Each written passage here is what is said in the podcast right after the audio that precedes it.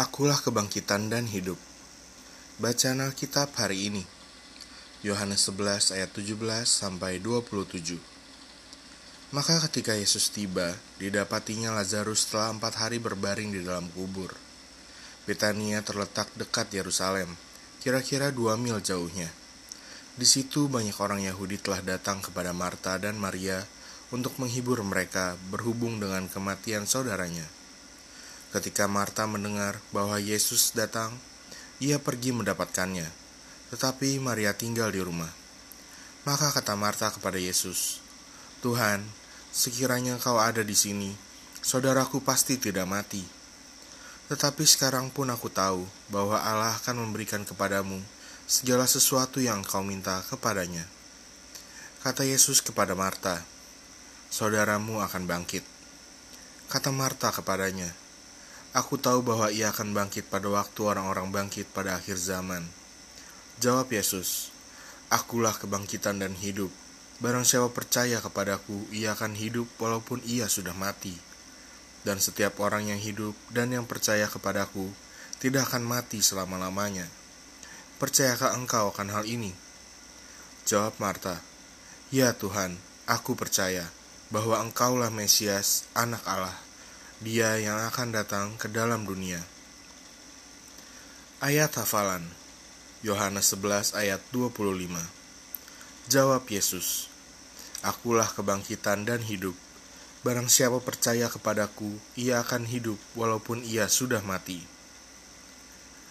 Renungan inspirasi. Yesus berkata Akulah kebangkitan dan hidup. Barang siapa percaya kepadaku ia akan hidup walaupun ia sudah mati. Kepada Marta yang baru kehilangan saudara laki-lakinya, Lazarus. Ketika Yesus berkata, "Saudaramu akan bangkit." Pengertian dan iman Marta saat itu bahwa Lazarus akan dibangkitkan di akhir zaman. Namun Marta tidak menyadari bahwa ia sedang berbicara kepada anak Allah yang menciptakan segala sesuatu, yang ada sebelum segala sesuatu, yang memiliki kehidupan abadi dan kematian Lazarus adalah kesempatan Kristus untuk mengungkapkan kuasanya. Di bulan Natal ini, kita merayakan kasih Tuhan kepada kita yang telah memberikan anaknya yang tunggal, Yesus Kristus, dengan janji bahwa siapa pun yang percaya kepadanya tidak akan binasa, melainkan beroleh hidup yang kekal.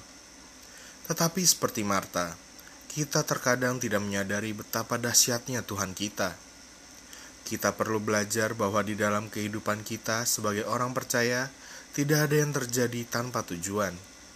Dan setiap peristiwa yang terjadi, baik atau buruk, dapat digunakan Tuhan untuk pertumbuhan rohani kita. Seperti yang dialami Marta melalui kematian Lazarus. Selama perjalanan kita di dunia, kita dipanggil untuk menjadi dewasa dalam iman dan bertumbuh dalam kasih karunia. Tuhan menjadikan semua keadaan hidup sebagai kesempatan untuk mengembangkan kepercayaan kita kepadanya, sehingga kita dapat mengalami lebih banyak kasih karunia-Nya, kuasanya, kebijaksanaannya yang maha tahu, kebenarannya yang tidak pernah gagal, kekudusannya, dan kasihnya yang tak bersyarat. Apa yang tidak mungkin bagi manusia, semua mungkin bagi Tuhan. Beberapa dari Anda yang membaca ini mungkin sedang menghadapi cobaan yang tampaknya tidak dapat diatasi atau mengalami rasa sakit dan kehilangan yang mendalam. Hidup ini sulit dan kita membutuhkan pengingat akan jaminan yang kita miliki di dalam Kristus. Ingat, tidak ada kebangkitan dan kehidupan kekal selain di dalam Kristus. Karena itulah bersamanya segala sesuatu mungkin terjadi. Dengarkan Yesus, percayalah kepadanya ketika ia berkata, Akulah kebangkitan dan hidup. Yang harus dilakukan, selalu ingat bahwa Tuhan kita yang merupakan kebangkitan dan hidup sanggup untuk melakukan hal yang mustahil. Refleksi diri. Pertama, bagaimana situasi Anda saat ini? Adakah hal yang Anda alami yang tidak mungkin dilakukan oleh Tuhan? Gua ulangi, Bagaimana situasi Anda saat ini? Adakah hal yang Anda alami yang tidak mungkin dilakukan oleh Tuhan?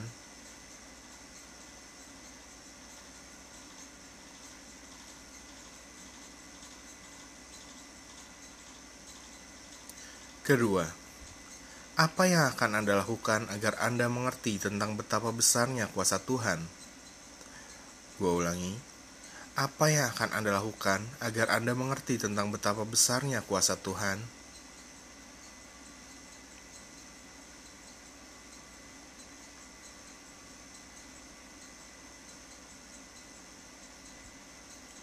Hikmat hari ini Immanuel, Tuhan beserta kita, dalam kesedihan kita, dalam pekerjaan hidup kita, dalam penghukuman kita, di kuburan kita. Ia bersama kita, atau lebih tepatnya kita bersama dia, dalam kebangkitan, kenaikan, kemenangan, dan kemegahan Advent kedua. Charles H. Spurgeon Pokok doa Bapa Surgawi, ajar kami untuk percaya sepenuhnya kepada Yesus, kebangkitan dan hidup.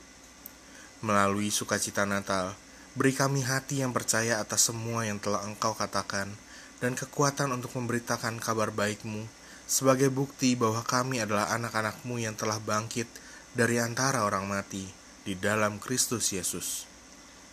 Amin.